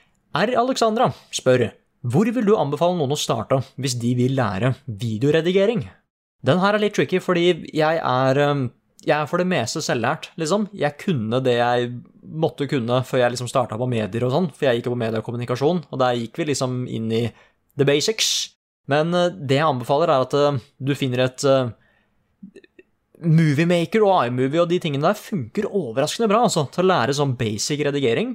Og, men det kommer veldig an på liksom hva du har tenkt å redigere, da. Det er jo liksom det, det er så forskjellig med å redigere liksom kortfilmer og sketsjer og reklamer og spillanmeldelser og sånn, men det jeg anbefaler mest, er at man starter med, man med sketsjer. Jeg føler at hvis du lærer å lage et par Eller hvis du prøver å lage et par sketsjer og sånn, så lærer du det du trenger for å Ja, for, for å bli flink i de andre tinga òg, da. Som timing og liksom ja, det, er Kan du én ting, så kan du ganske mye i redigeringsverden, syns jeg, da. Så ja, finn et program. Kanskje kan være gratis, eller bare skaffe et eh, litt billig program. Og etter hvert som du blir litt bedre og sånn, så kan du begynne å tenke på de litt sterkere programmene. Sånn som så å si alle i Level Up bruker Premiere når de skal redigere ting. Og jeg kunne jo ikke liksom redigert halvparten av det jeg lager nå, med Moviemaker og ting og tang, for jeg trenger funksjoner i Premiere. Så ja, eh, start med sketsjer, og så føler jeg at eh, du kommer til å finne teken på det ganske fort. Jeg starta jo med musikkvideoer, blant annet, og så gikk jeg over til sketsjer, og jeg føler at eh, de to der, spesielt sketsjer, funka ganske bra for meg. Skal vi se det, Oi, det, dette var navnet sitt, for å si det sånn, og et ganske langt spørsmål, men skal vi se her Kristoffer Bollæren Bollæren Bollæren Zetlitz spør Hei, Nick. Du gjør en fabelaktig jobb med duellen. Du er helt rå. Tusen takk for det. Eh, men hvem er det som står for ideene til alle rundene i duellen? Er det deg, eller er det hele level up-gjengen som står bak reglene, hvilket spill, etc., etc.? Og så står det en sånn fin melding sånn Jeg setter stor pris på arbeidet du gjør, du er virkelig en stor ressurs for level up. Tusen takk for det, det er veldig hyggelig å høre. Men ja, eh, dette var også litt av det jeg snakka om på starten av podkasten, med hvor mye tid og ting og tang det går inn i å lage en sesong av duellen. I hvert fall, Det som skjer først, er at eh, jeg er den som kommer på liksom alle spillene og ideene til duellen. Jeg prøver å finne ting som jeg Egentlig bare spill og utfordringer som jeg tror Som jeg hadde likt at folk hadde duellert i, rett og slett. Det er det det er. Um, og det jeg gjør da, er at eh, jeg lager et svært Word-dokument med alle spilla og potensielle utfordringer og sånn, og ting og tang. Jeg prøver å finne spill og utfordringer som er veldig lett å sette opp, og ikke så dyrt, sånn at folk ikke trenger å skaffe mange spill og sånn. Og så eh, sier jeg i en felles chat som vi har, nå er det på tide å sette i gang duellen. Og da finner vi et tidspunkt om alle sammen møtes på Discord, og da tar vi en prat om hvilke spill som vi føler kan bli Eller hvilke dueller, da, som vi føler kan bli gode episoder. Og da går vi liksom gjennom alle sammen. Eh, Vi fjerner de som vi tenker er ubalanserte, hvis noen er gode i bestemte sjangre, eh, hvor morsomme de Ja, hvor morsomme vi tror de kan bli etter vi har klippet dem, og hvor morsomme de er å se på og sånn. Hvis noen har noen andre ideer til dueller, så skriver vi ned de òg, så det er en sånn Det er, en team, det er team effort her, da. Det er det det er. Og da ble vi enige om at eh, ja, i sesong to her nå, da, så var det veldig mange morsomme ideer, og ja, ni episoder så ut til å bli ganske bra i den sesongen her, ut ifra hvor mange dueller vi hadde lyst til å ha, og variasjonen på ting og tang, da. Så det er det det er. Det, jeg starter først med å finne ting, så spisser vi det litt sammen når vi alle møtes, og så fort vi da er enige i episodene og regler og sånn, og så sier jeg ok, da har vi så lang tid på å spille inn disse duellene. Og når alle har gjort det, da, så får jeg opptaket, og jeg begynner å klippe. Så ja, der har du, der, der har du liksom prosessen som vi starter en sesong av duellen. Da bare tar jeg et sånt der duellspørsmål til, jeg, hvis det er greit. Eh, fordi Matti Kjelmerud spør hvilken episode av Duellen sesong 2 likte du best å redigere og spille? Og så står det under første episode var råbra, by the way. Og tusen takk, det er veldig hyggelig. Jeg var stressa med den første episoden, så det er veldig hyggelig å høre at du likte episode 1. Eh, nå må jeg være forsiktig da, med å ikke spoile hva noen av spillene er, men når det kommer til å redigere, så er det episode 3, den som da enten har kommet akkurat nå, eller som kommer nå, er nok kanskje den Problemet er at jeg har ikke redigert fullført alle episodene helt ennå, så det er litt vanskelig å si, men den episoden ble jeg liksom Den var jeg overraska hvor fin den ble, da. Eh, Der var det mange Der var det en historie it, og den kom så fint fram, syns jeg. Eh, Samme også liksom episode Episode fem og seks. Der er det altså noen skikkelig, skikkelig gode saker. Eh, Men når det kommer til liksom hvem som jeg likte å spille i best, det, den eh, Kanskje finalen Finalen likte jeg fordi vi spiller noen Jeg kan si at vi spiller noen litt Noen av disse spillene vi spiller i duellen denne sesongen her, er litt eh, tricky spill, liksom. Og finalen var et eh, Finalen var både veldig, veldig kult som et ordentlig siste spill for duellen, pluss at det var et eh, det, det var et fint sånn avbrekk, på en måte. Jeg skal ikke spoile hva det er, men det siste spillet likte jeg veldig, veldig godt å spille. Det neste spørsmålet kommer da fra Jakob Skredde Langedal, som spør Hei, Nick. Får vi en Shadow of the Colossus stream snart? Eh? Ja, det, det, han er en sånn sneaky, vet fordi dette her er jo inside information, ikke sant? Jeg er veldig god venn med Jakob, og han er veldig veldig glad i Shadow of the Colossus, og da sa jeg at jeg har veldig lyst til å ha en Shadow of the Colossus-stream, for jeg har ikke spilt remaken, og det er et av mine favorittspill, ikke sant? Og da tenker jeg at eh, for å virkelig oppleve den remaken der, så hadde det vært veldig kult å streame hele Shadow of the Colossus. Så det er uten tvil en stream jeg har lyst til å gjøre om ikke så altfor lenge. Bare sette meg ned en dag, spille gjennom hele Shadow of the Colossus-remaken. Så jeg kan si at eh, den kommer forhåpentligvis snart. Rune, se, nei, eh, Rune Kjersli Småbråten spør hvilke fortellergrep setter du mest pris på i historiefortelling? Det kan være film, spill, bok eller hvilket som helst annet medie. Det er et veldig, veldig bra spørsmål. Jeg har, jeg har tenkt en liten del på det, da, fordi det er mange grep jeg liker veldig, veldig godt, men hvis jeg skal liksom Hvis jeg skal være true to, true to myself, og hvis jeg skal ta den som jeg liksom setter mest pris på når den blir gjort riktig, så er nok det show, don't tell. Det er nok den største. Fordi det er litt sånn derre Du har liksom spesielt på film, ikke sant? Du, du kan ikke ha show and tell i boka, tenker eller du kan jo det, men på film Du har liksom denne muligheten å vise historien din.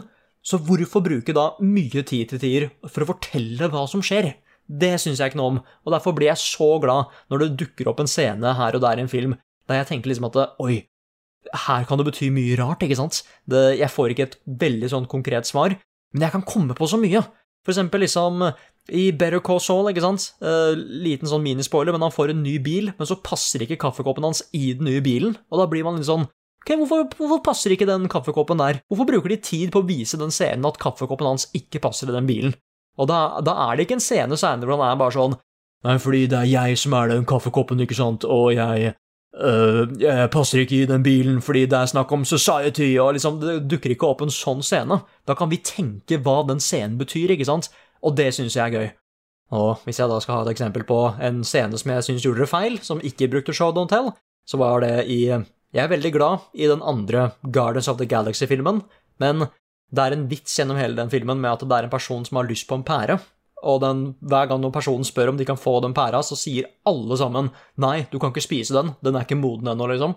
Og når da den personen da får tak i denne pæra, og spiser den pæra, så spytter han den ut og sier nei, jeg antar at den ikke var moden ennå. Og da tenker jeg liksom at Tenk så morsomt det hadde vært med at du fått beskjed gjennom hele filmen at pæra ikke er moden, og når du da tar biten, så er du bare irritert og lei deg, og du sier ikke hvorfor, fordi vi skjønner jo at den ikke er moden, ikke sant?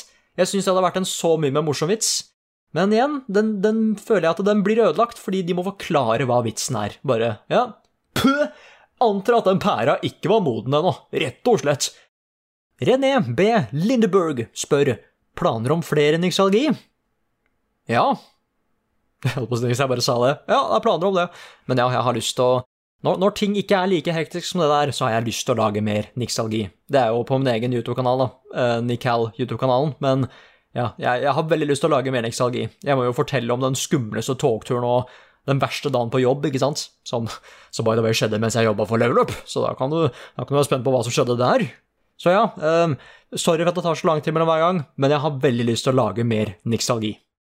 Bjørn Magne Bakke spør hva er ditt favoritt-legospill?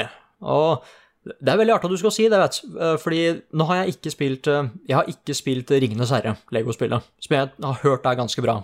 Men jeg har spilt alle Star Wars-spillene, og Pirates of the Caribbean syns jeg var veldig gøy. Men jeg tror liksom at det, det kan også være fordi det er recency biased som prater her nå. Men jeg er så glad i The Skywalker Saga. Jeg, jeg syns det var det var digg å bare sette seg ned med. Fordi det er litt sånn derre Noen spill kan jeg liksom skru av hjernen litt på, ikke sant? spesielt i de Lego-spillene som bare så vidt forteller hva historien er. Og da er det bare gøy å gå rundt og samle på spesielle brikker og samle på karakterer og syns jeg bare Jeg syns Lego-humoren er morsom, liksom. For mesteparten av tida syns jeg den er morsom, men her syns jeg den var veldig, veldig gøy. Jeg Det er noen scener i Åh, er, spesielt på slutten av The Skywalker Saga, det er en scene der hvor jeg, jeg jeg døde nesten av latter fordi jeg så det ikke komme, og du skjønner at de som har lagd det spillet her, kan en del av Star Wars-memesa og hadde det bare så gøy på jobben med å skrive disse scenene, og bare Nei, det, jeg må nok si at akkurat nå så tror jeg kanskje mitt favoritt-legospillet er The Skywalker Saga, altså. Selv om det skal si at jeg er veldig glad i det aller første Lego Star Wars, der hvor ting starta. Der, det starta kanskje ikke der, men det var der jeg starta med Lego-spillet. Så ja, eh, Skywalker Saga. Aximilian spør hvor spent er du på The Lord of the Rings, The Rings of Power og House of the Dragon? Du skulle bare visst, fordi uh, når det kommer til eh, Lord of the Rings, der er jeg litt sånn Der er jeg ikke helt sikker, fordi jeg vil jo ha mer Ringenes herre, ikke sant? Pluss at den, den serien her tar sted i en ganske crazy periode i, i The Lord of the Rings eh, law, liksom. Men jeg er bare jeg er så glad i de originale filmene, da, så jeg er veldig spent på åssen det her faktisk kommer til å bli. Eh, det ser jo veldig veldig pent ut, men det er historien her som virkelig må selge denne serien. Da. Så jeg, jeg, er med, jeg, er veldig spent, det er jeg. Jeg gleder meg liksom til det kommer. Eh, men jeg, men jeg er også litt forsiktig. Litt forsiktig med hva som skjer. Men The House of the Dragon, derimot, som da er denne prequelen til Game of Thrones, den gleder jeg meg mye til. Det er sånn hvor jeg faktisk teller dagene til når det blir lansert. Fordi ikke bare, det er sånn, ikke bare har de liksom Nå kan de faktisk følge 100 av materialet, ikke sant? Det blir kjempespennende. Eh, George R. R. Martin er skikkelig mye med i prosjektet. Og flere av liksom Jeg tror faktisk favorittregissøren min fra Game of Thrones-serien Miguel, Miguel Sapotnik, Zapotnik, eh, han lagde den der Battle of the Bastards og Hardom og ting og tang. Han er jo en av hovedregissørene og produsentene av serien, ikke sant? Så det Å, det kan bli så bra, ass! Det kan bli så bra! Pluss at eh, jeg tror det kommer til å være en liten periode hvor liksom Game of Thrones og Ringenes herre kommer til å gå samtidig, liksom. Det, det, er helt crazy at de kommer til å konkurrere mot hverandre nå. Så ja. Uh, uh, Ringenes herre, The Rings of Power, veldig spent, men også litt forsiktig. Med House of the Dragon har jeg bare 100%, 100% tro allerede. At eh, jeg, jeg kommer til å like det. Jeg var så glad i Game of Thrones. Jeg er så glad i Game of Thrones.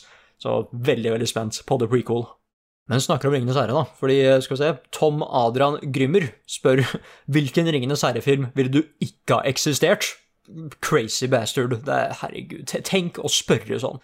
Vel, er, hvis vi snakker om Hobbit-filmene, så er jo ting litt lettere, da. Fordi jeg føler jo at eh, tre filmer for én bok var litt mye, liksom. Den, eh, jeg liker den første Hobbit-filmen ganske godt. Jeg synes den, Nummer to syns jeg er dritbra, men nummer tre var litt sånn Den var litt lacking.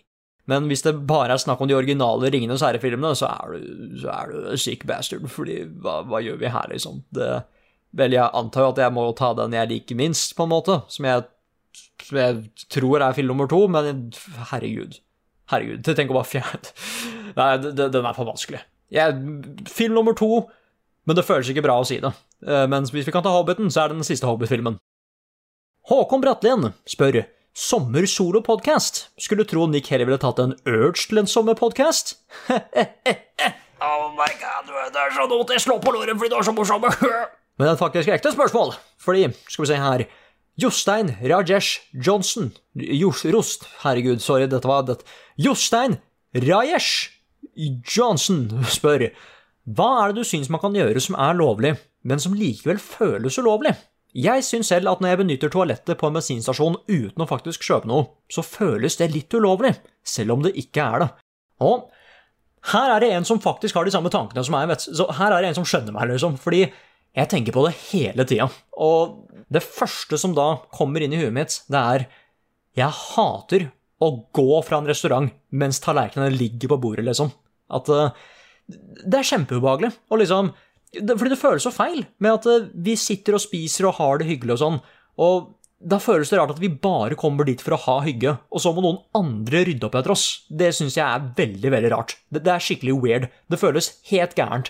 Og jeg veit jo at det på en måte ikke er det, fordi det er jo noen som det er jo noen som, som jobber som, som får betalt av å gjøre det. Det er, jobben deres å rydde opp, liksom. Men det føles kjempe, kjempeubehagelig ut. Det er derfor jeg liker McDonald's, fordi der er det liksom bare ok, vi har et brett, og det står hvor søpla er. De kaster maten der, liksom.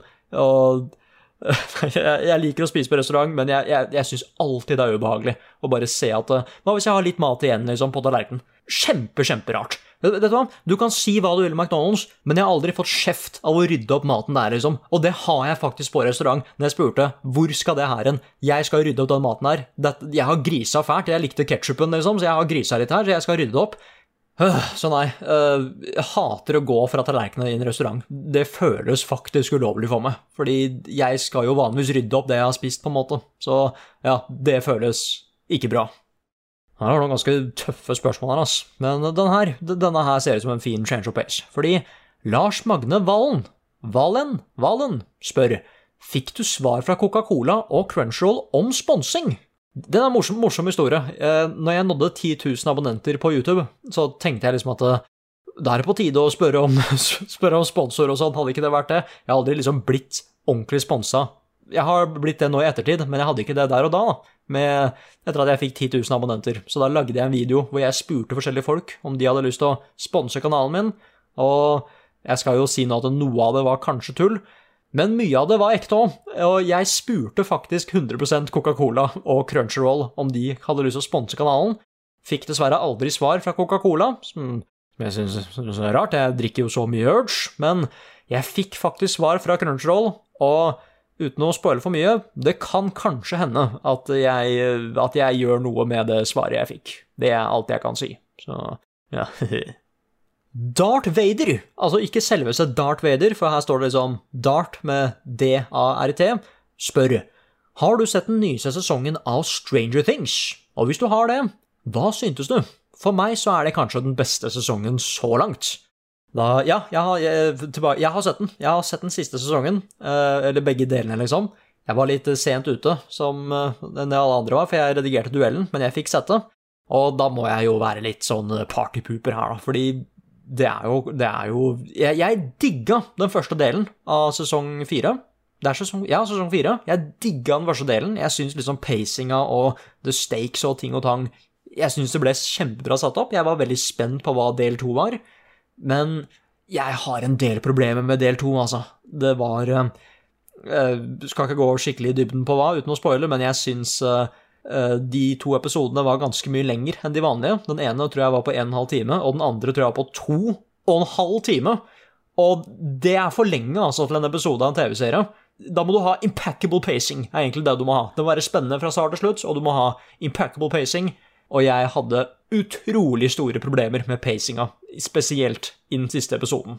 Altså, det var ikke dårlig eller noe sånt, det var ikke det, og produksjonen er jo helt, eh, helt insane, det ser kjempebra ut, men åh, det var, det var et veldig godt eksempel på at eh, vi trenger ikke å kanskje utforske absolutt alt av eh, enkelte scener og karakterer og ting og tang.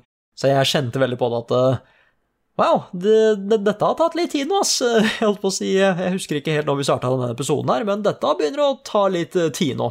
Og det er så dumt òg, fordi igjen, jeg digga sesong fire på starten, men på grunn av liksom de to siste episodene og de det jeg syns da var veldig veldig svære pacing-problemer og et par ting i historien, så er det kanskje den sesongen jeg liker minst, altså. Og det er så dumt, fordi det starta så sykt bra.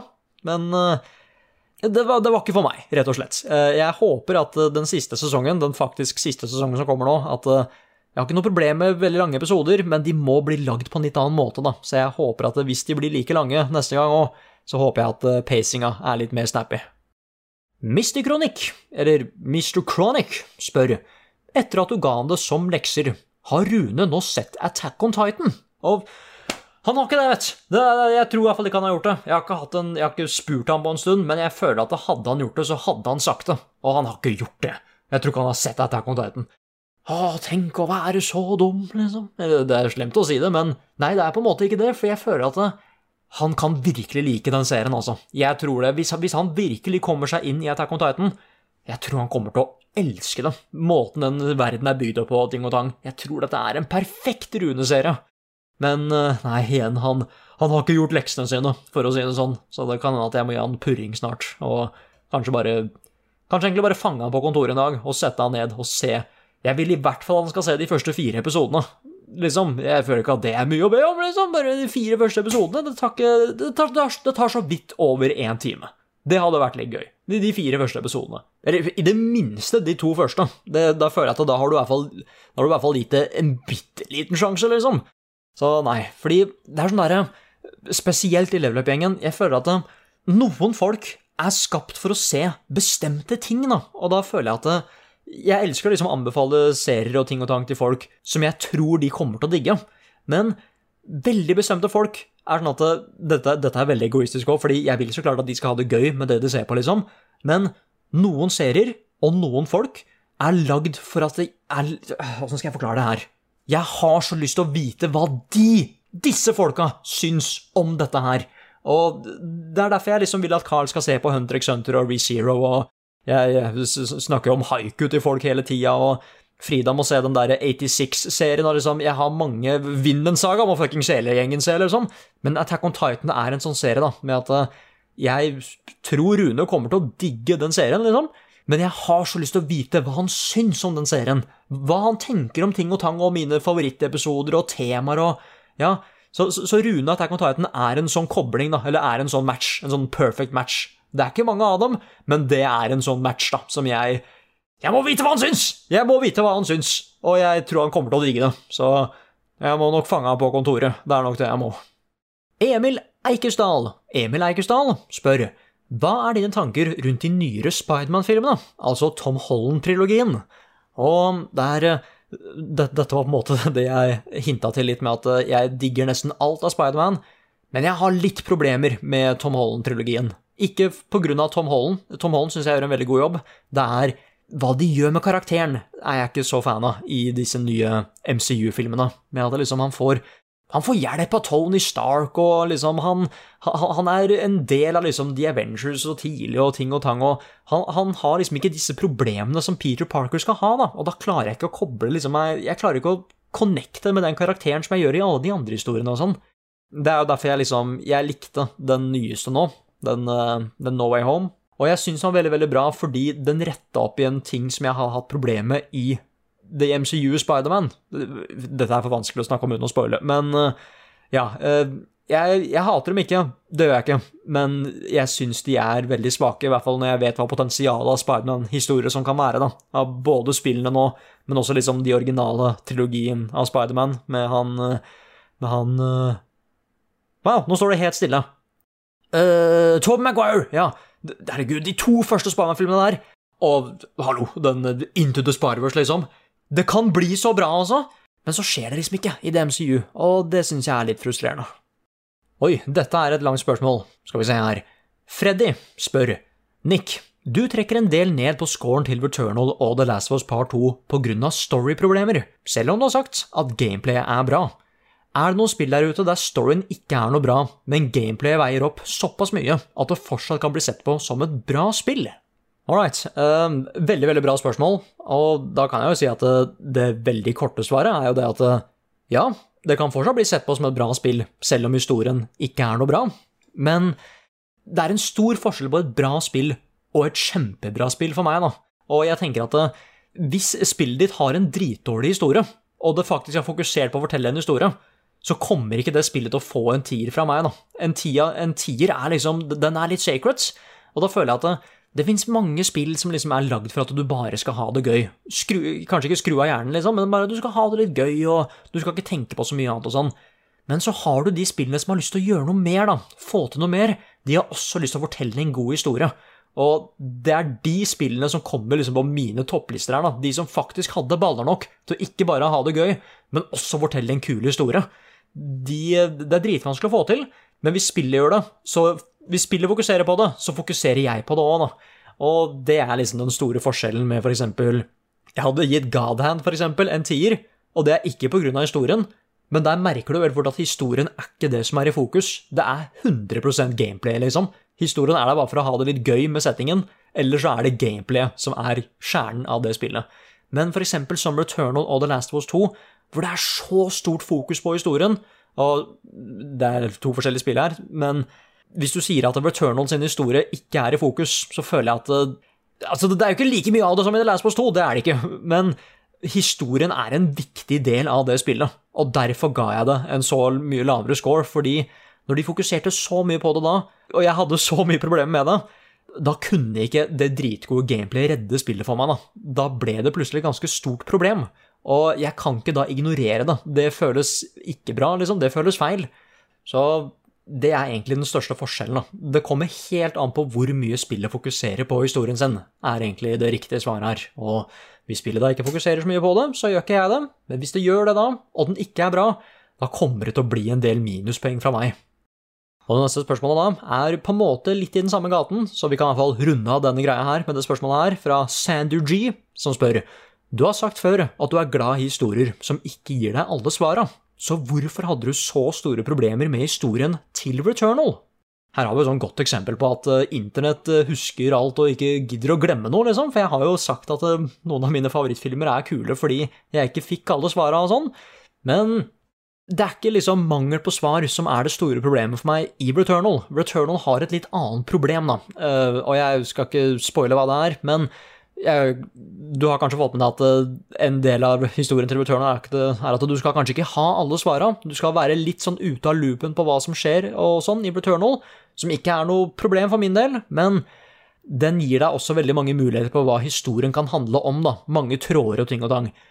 Og en av de potensielle trådene, det at den tråden eksisterer, gjør at jeg har et svært problem med historien. Det er så spoilerfritt jeg skal si det. Det er det er ikke Jeg føler at de svarene jeg fikk det, Dette her betyr en veldig bestemt ting, da. Uansett hva du sier, så er Returnal-historien en veldig, veldig bestemt ting. Og det at den er bygd opp sånn som den er, er det største problemet jeg har med Returnal. Jeg, jeg må lage en video av det her for å virkelig gå i dybden på hvorfor jeg har så problemer med historien til Returnal, men det er greia. er at det, det er et svar vi får i Returnal som eh, Åssen sier du det på norsk? Eh, som som limiter den historien. Det er den beste måten jeg kan si det på. Det skjer noe her som limiter denne historien. Og derfor så ga jeg det en Derfor så fikk det en del minuspoeng for meg på grunn av historien. Oh, all right. Nå har vi ikke så mange spørsmål igjen. Skal vi se her. Det neste spørsmålet er jo da fra Trond Sinfor Borgersen, som spør Er du samler av noe slag? Og er det noe du har hatt med deg hele livet som du ikke kan kvitte deg med? Og det er et eh, artig spørsmål. Jeg er samler av eh, Jeg holdt på å si, jeg samler jo på masse, masse ting og tang, holdt jeg på å si. Det er jo filmer og, filmer og spill og sånn og sånn, men hvis det kommer til sånne veldig super nisjebegrensa ting og tang, så er det det at eh, jeg samler på de der eh, Av og til så har 20-kroningene et annet design. Et sånt minnesmynt eller et eller annet sånt. Jeg samler på de. Det er sånn Det er ikke noe jeg liksom må lete etter selv. Plutselig så bare Å, herregud, der har vi søren meg en sånn rar 20-kroning. Den tar jeg. Det, det er en litt sånn, en sånn artig hobby. Men ellers så samler jeg ikke på så mye. Jeg har mye jeg liksom ikke kan kvitte meg med, men jeg kommer liksom ikke på noe, nå sånn i farta, egentlig. Så, så ja, eh, rare 20-kroninger, det er det jeg samler på. Sindre Lilleseth Svensrud Nei, Svens... Dere har så rare navn, altså. Sindre Lilleseth Svensrud. Det var jo ikke rart i det hele tatt, jeg ble bare jeg ble forvirra av orda, holdt jeg på å si, av bokstavene og sånn, men spør. Dersom du har sett Uncharted-filmen, hva syns du om den? Hva syns du var bra? Hva syns du var dårlig? Hva kunne ha blitt gjort annerledes? Uh, ja, jeg har sett Uncharted-filmen, den med, med, med Tom Halland, og det er vel egentlig et av de store problemene. Jeg syns den var ok, liksom. En helt ok actionfilm. Den så veldig bra ut. Noen av set-piecesa var Eller i hvert fall sluttset-piecen var ganske kul. Men eh, jeg har vel mer problemer enn positive ting, på en måte. At eh, jeg syns, jeg syns castinga var litt feil, blant annet. Både med Sully og Nathan Drake. Eh, Men så er det også mer det at Uncharted er en litt dum serie å prøve å lage film av, fordi det som er kult med Uncharted, er å faktisk spille i disse crazy sekvensene, ikke sant? Og faktisk spille i disse superregisserte øyeblikka som du bare ser på film og sånn. Og hvis du da skal liksom klare å matche det på en film en, dette, er en dårlig, dette er en dårlig idé til å begynne med, men jeg føler at skulle jeg på en måte ha lagd en Uncharted-film, så hadde jeg eh, Jeg holdt på å si jeg hadde, lagt, jeg hadde ikke latt eh, Tom Cruise spille Nathan Drake fordi det var den beste skuespilleren, på en måte, men jeg hadde gjort det fordi det hadde vært den beste stuntmannen. Jeg hadde virkelig fokusert på crazy stunt, jeg, i en Uncharted-film. Det er nok kanskje det jeg hadde gjort, bare. Eh, Når man setter seg ned med et Uncharted-spill, så var det så kult å tenke på bare hvilke crazy situasjoner kommer Nathan Drake til å havne i nå, liksom, og som vi da kommer til å spille i. Og da føler jeg at for å prøve å matche det så mye som mulig, så må man på en måte Det må være noe du virkelig ser frem til, no, noe skikkelig spektakulært og sånn, da. Og da føler jeg at eh, Tom Cruise, selv om han kanskje ikke er den beste Nathan Drake, han er en av de råeste stuntmennene jeg veit om, liksom, og han kunne gjort noen crazy ting i en Uncharted-filmen, da. Så Mission Impossible er egentlig Uncharted-filmene vi ikke visste at de var, på en måte. Det var Uncharted-filmene hele tida. Volvotron spør i episode 27 av Soulmates så sa du at du skulle skaffe deg Tinder pluss hvis Rune klarte å ta Ornstein og Smaug. Hva skjedde med Tinder pluss? Igjen med at liksom, internett gidder jo faen meg ikke å glemme noen ting, liksom. Selv om jeg husker ikke om Rune tok Ornstein Det er bare tuller, jeg gjør jo det. Det var skikkelig kult å se han ta de. Men eh, Nei, jeg holdt på Tinder pluss har ikke skjedd helt ennå. Men det skal jo sies at eh, jeg er jo fortsatt eh, Jeg er jo på utsikt etter The One. Jeg er jo det. Men det er bare Det har bare ikke skjedd via Tinder pluss ennå, liksom. Sorry to disappoint. Sorry to disappoint Rune, liksom. Jeg håper ikke det var den lille jeg håper ikke liksom det var den lille, det lille lyset i tunnelen som var Tinder pluss. Jeg håper ikke det var det som fikk han gjennom Hornstein og Smaug. Det var hans skill som gjorde det. Så nei, eh, ikke noe Tinder pluss helt ennå, men man skal aldri si aldri. Lill Taco spør Rune har gang på gang fortalt hvor glad han er å skaffe platinum i de spillene han virkelig liker, og selv har jeg begynt å jakte på dem, jeg òg. Men er Nick en trophy slash platinumjeger? Og hvis du er, hva er strategien din når du setter deg ned med et helt nytt spill? Alright, eh, da kan jeg svare på det første, om jeg er en platinumjeger. Og jeg er det, men jeg er det på veldig, veldig bestemte spill. Det er vel egentlig den beste måten Jeg er ikke i nærheten så svær platinumjeger som det Rune er, og mange andre jeg kjenner. Eh, Fordi det første kriteriet er at jeg må jo ha det Jeg må jo like spillet, så klart. Jeg må like spillet veldig godt for å skaffe platinum. Eh, Men den største grunnen til hvorfor jeg skaffer platinum i enkelte spill, er hvis jeg ser at det, kommer til å være gøy å skaffe den platinumen, er egentlig, det er vel egentlig den største greia, at det kommer til å være en form for utfordring der, da. Fordi det første spillet, altså det første ordentlige spillet jeg føler jeg skaffa en platinum i, det var Dishonored, det første Dishonored, fordi der kunne du Det var ikke superlangt, liksom, men der kunne du spille på veldig veldig mange måter. Og da var det det at du fikk et trophy for å fullføre spillet uten å drepe folk, du fikk et trophy for å bare drepe dine egne liksom, unike targets, og fikk du trophy for å liksom bare spille uten abilities, da. Og da var det litt gøy, fordi da var det en utfordring å få den Platinum Trophyen. Og jeg visste også liksom at jeg kommer til å ha det gøy hele veien når jeg prøver å jakte på den Platinum Trophyen i Dishonored. Så det var da jeg begynte liksom å jakte litt mer på Platinums, da. Så hvis jeg bare plutselig får en Platinum av å spille et spill, liksom, og det er det, komme meg gjennom det, det er på en måte ikke en Platinum for meg. Jeg, jeg må jobbe litt for det. Nei, så jeg jakter ikke på sånn supermange Platinum, gjør ikke det. Jeg har ikke så fryktelig mange. Men når det da kommer til trophies og sånn, eller iallfall når jeg setter meg ned med et nytt spill, første gjennomspilling, så fokuserer jeg ikke noe på trophies eller platinum eller noe sånt. Da bare fokuserer jeg på spillet, fordi hvis ikke så føler jeg at jeg blir distrahert, ikke sant? Så jeg begynner å tenke bare oi, dette kunne jeg gjort for å fikse, for å få dette trophyet her og få platinum raskere og ting og tang. Da begynner jeg liksom å stresse, og det er ikke sånn jeg har lyst til å enjoye dette nye spillet, liksom. Så første gjennomspilling, ikke noe trophy-fokus eller noe sånt. Og så fort jeg er ferdig da, og jeg syns at dette spillet var veldig, veldig bra, og jeg ser at det blir gøy å skaffe platinum, da begynner jeg å tenke litt på platinum og sånn. Marius André Storberg Jacobsen spør Hei, Nick. Hva er din favoritt spilleplass? Og så har han et par eksempler under, som liksom sofaen foran TV-en, eller i stolen ved pulten.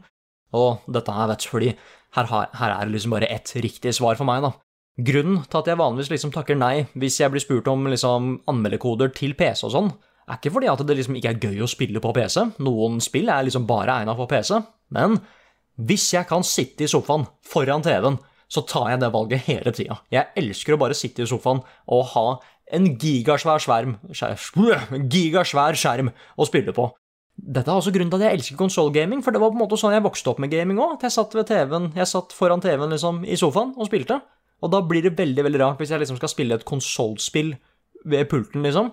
Jeg ser at Rune og Carlo har med, de har med liksom konsollene sine på kontoret. Så sitter de og spiller ved den monitoren og bare Jo, det, det får jobben gjort, så klart. Men det er jo ikke en TV, liksom. Du sitter jo ikke i sofaen heller, liksom. Nei, så hvis jeg kan velge, så velger jeg sofaen foran TV-en hele tida.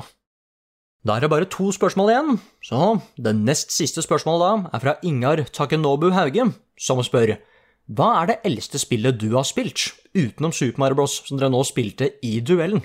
Jeg ble nysgjerrig etter å ha sett den første episoden av duellen.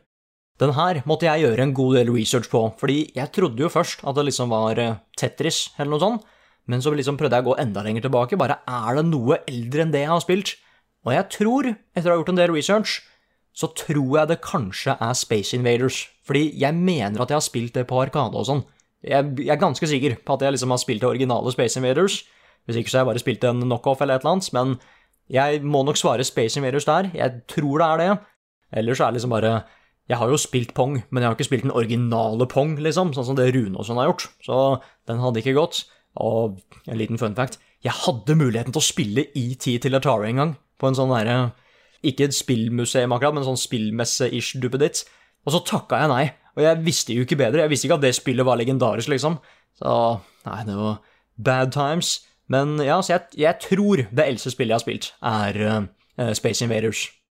Og det siste spørsmålet kommer da fra Bjørnar Helle Mjølsnes, som spør Hvis du kunne lage drømmespillet ditt, hvordan hadde det sett ut? Og det er et svært spørsmål, ass. Jeg, skal prøve å liksom ikke bruke altfor lang tid på å svare på det, men uh, jeg føler at det er to kategorier her. Enten så er det det lille drømmespillet, og så er det det store drømmespillet. Og uh, da, da, kan jeg si at det, da går vi for det store drømmespillet nå. Hvis jeg hadde unlimited of resources, liksom, penger var ikke et problem, jeg hadde de beste writera og ting og tang, liksom bare de beste folka i industrien til å lage dette spillet her, så hadde jeg, i veldig korte trekk, lyst til å lage det beste open world-spillet of all time. Men i litt mer sånn Det er en veldig lett måte å si det på, men den mest riktige tingen hadde vel vært å si at jeg ville lagd verdens beste RPG, role-playing game. Fordi det er en sånn der hvor jeg, jeg Open world er favorittsjangeren min, det har jeg sagt før. Og mye av det er fordi at det er de spillene som virkelig kan immerse, immerse me i spillopplevelsen, hvor jeg liksom dykker dypt ned. Jeg trenger ikke å tenke liksom på at jeg kommer til å spille spillet for fort for å bli for fort ferdig med det, eller noe sånt. Jeg kan bare, jeg kan bare være i den verden der. Og det er det veldig få spill som får til, og derfor så er jeg så glad i open world. Men mitt open world-spill da skulle liksom vært det at eh, det skulle vært dritstort. Ikke sånn derre Folk blir litt redde når du sier at et spill skal være for stort, men det skulle vært en grunn til at det hadde vært så stort. Det, det skulle vært så stort fordi det skulle faktisk føltes ut som en verden. Et, uh, Et godt eksempel her, da. La oss eksempel si at eh, du starter i en by. Er, du starter liksom i startsbyen, du kan gjøre ting og tang rundt i den byen og, og sånn, liksom. Forskjellige quests her og der og sånn. Men en gang da så må du dra et sted. Du må liksom dra videre på din journey, ikke sant, av historien eller et eller annet sånt. La oss da liksom si at du måtte gjøre research på hvor du skulle hen, og så fant du ut at turen for å faktisk dra dit ville faktisk være en tur, da. En skikkelig, skikkelig tur. Uh, her kommer en liten spoiler fra den tredje Ringenes herre-filmen, uh, Atter en konge, så hold deg litt for øra hvis du ikke vil vite noe. Men da Gandalf og Pippin drar, liksom, for å dra til Minas Tirith, da sier de liksom at uh, Pippin spør hvor langt de kommer til å ta til å dra til Minas Tirith. Da sier Gandalf det kommer til å ta tre dager, eller et eller annet sånt. Nå har Gandalf en ganske sånn OP-hest, da, så jeg vet liksom ikke hvor lang tid det ville tatt med en vanlig hest, men og jeg sier ikke at liksom reisen fra en by til en annen skulle vært på tre dager. Liksom in game tre dager, det hadde vært i litt uh, drøyeste laget. Men la oss for eksempel si at det, det, tok en god del timer å reise fra et sted til et annet. Liksom, la oss si at det faktisk ble en skikkelig tur. En skikkelig tur du måtte planlegge til. da. Liksom ha med mat og tenke på liksom uh, helseitems og våpna dine og Hva hvis du liksom du satte deg ned en gang og tenkte at i dag så skal jeg faktisk reise i det spillet her. Nå har jeg gjort det jeg skal, og når jeg er ferdig på jobb og sånn nå, så skal jeg sette meg ned i sofaen og reise til et helt nytt sted i det spillet her. Tenk så kult det hadde vært da, hvis du reiser i sånn fem timer in game-tid. Det må være spennende gameplay på veien og sånn, liksom. Dette er vanskelig å få til, men la oss si at du har reist i fem timer. Og så får du det shotet som Pippin og Gandalf får, da de liksom kommer over åskanten, og de ser Minas Tirith. Tenk hvor crazy det hadde vært i spillform, liksom. Bare den skalaen der. Den derre Endelig, nå er reisen over. Nå har jeg en helt ny by å leke meg i, og masse forskjellige quester og ting og tang rundt dette området her. Fy søren, jeg tror det kunne bli kult, ass. Uh, og den andre delen da hadde også vært det at det, det skulle vært en historie her, så klart. Men jeg hadde gjort det på en sånn måte som at Jeg sier jeg hadde, jeg hadde jo ikke klart det her, så klart, men jeg hadde gjort det som at Uh, historien skulle blitt forandra uten at spilleren hadde skjønt det. At de hadde styrt historien. Og et, uh, jeg skal være fortferdig her, et godt eksempel da, er det at uh, i Skyrim så kan du liksom gå til en tavern eller et eller annet sånt, og du kan bare plutselig få en companion liksom, som er med deg på reisen. Eller i Fallout hvor du bare plutselig finner en hund og bare Ja, jeg tar med den hunden her på reisen min, liksom. Hva hvis den hunden eller den companionen du fant, ble nå da en sentral karakter til den historien? La oss liksom si at ja, du fant en, eh, du fant en female companion, en dame, liksom. La oss si at det ikke bare var en dame du kunne ha et par sånne dialogtre med sånn av og til, og så bare var denne dama med deg. Hva hvis dette var en person som du faktisk kunne bli godt kjent med, som ble en sentral karakter i historien, og som det faktisk var skrevet en ordentlig historie rundt, da? Det har jeg ikke sett før i et open world-spill. At det liksom For da hadde jeg begynt å lure at dette her er jo åpenbart det jeg skal gjøre i spillet. La oss si at jeg da hadde liksom kommet på jobben en dag og bare sagt at ja, nå har jeg kommet så langt i historien at jeg har møtt på den dama her, da. Hva hvis de jeg snakker med da ikke skjønner hva jeg prater om? Fordi siden de da har liksom dratt aleine på det eventyret her, så har ikke vi lenger den samme historien, ikke sant? Det, å, det, å, det hadde vært så kult! Samme å finne hunden i Fallout òg. Hva hvis den hunden faktisk ble en ordentlig sentral rolle, liksom? Og hva hvis det da ble en, God forbid, en del av historien av denne hunden dør, eller noe sånt? Det hadde vært så hjerteskjærende, fordi hva hvis jeg ikke hadde funnet den hunden? Hadde den hunden levd videre da, ikke sant? Hva hvis jeg fant hunden og den dama i den byen? Hadde det da blitt en egen historie av det? Dette er et sånt umenneskelig prosjekt, liksom. Jeg aner ikke åssen det her faktisk skulle gått, men det hadde vært et uh, ordentlig drømmespill, om jeg tar litt vann nå. Det hadde vært et ordentlig drømmespill for meg. En megasvær, superduper open world som var proppa full av spennende ting, så klart men som liksom faktisk føltes ut som en levende verden, ikke bare fordi den var dritstor, men fordi valgene du tok i den, faktisk forandra verden, da, og verden du spilte i, og forandra historien. Du lagde din egen historie uten å vite noe om det. Det, det er mitt uh, all time liksom, superduper drømmespill. Jeg tror at det kunne blitt den beste open world-opplevelsen of all time, da. Og jeg vet ikke hvor dyrt det skulle vært, jeg vet ikke hvor langt det skulle vært, eller noe sånt, men bare et ordentlig spill hvor du ble så immersed at du trodde at dette her var meningen hele tiden, og så skjedde ting bare fordi du hadde tatt veldig, veldig bestemte valg, og derfor skjedde disse tingene her. Du hadde lurt spilleren til å tro at dette her var det som skjedde for alle, og så har du fått en kul opplevelse fordi du tok et annet valg enn noen av andre vennene dine, liksom. Det hadde vært en uh, det er det mest ambisiøse prosjektet of all time for min del, men det hadde vært, det hadde vært mitt drømmespill. Hvis jeg fikk uendelig med midler og kunne lage nøyaktig det jeg ville, og alle var on board. og at det, det, det Nei, dette er så gøy å snakke om, fordi herregud, tenk da. Det, det hadde vært helt crazy. Helt crazy bananas. Så ja, det hadde vært mitt, eh, mitt store drømmespill. Og da har vi, gosh kommet oss til slutten. Så da vil jeg si tusen takk for at for at dere og deg og sånn hørte på denne Nick Solo-podkasten i år òg. Jeg, jeg merka at det var et eller annet som mangla, altså, siden jeg ikke fikk gjort det her like tidlig som det jeg vanligvis gjør. Så det, dette har blitt en så hyggelig tradisjon. Så jeg håper at jeg håper du hadde det like gøy å høre som at jeg hadde på å lage det, på en måte. Så igjen, tusen takk for at dere hørte på. Og sorry for at den ble en smule lang nå, den ble litt lengre enn den forrige, tror jeg. Eh, Det var mange spørsmål, og det var mye å snakke om.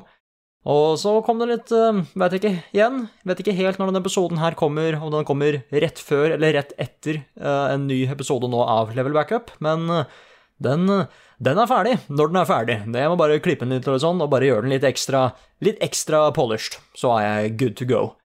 Så, så ja, da, da tenker jeg at nå er det så klart tid for å gjøre denne outroen til podcasten, og jeg, jeg kan jo outroen utenat, så klart, men Nei! Hvem er det jeg ser der borte? Er det Er det Frida som er der?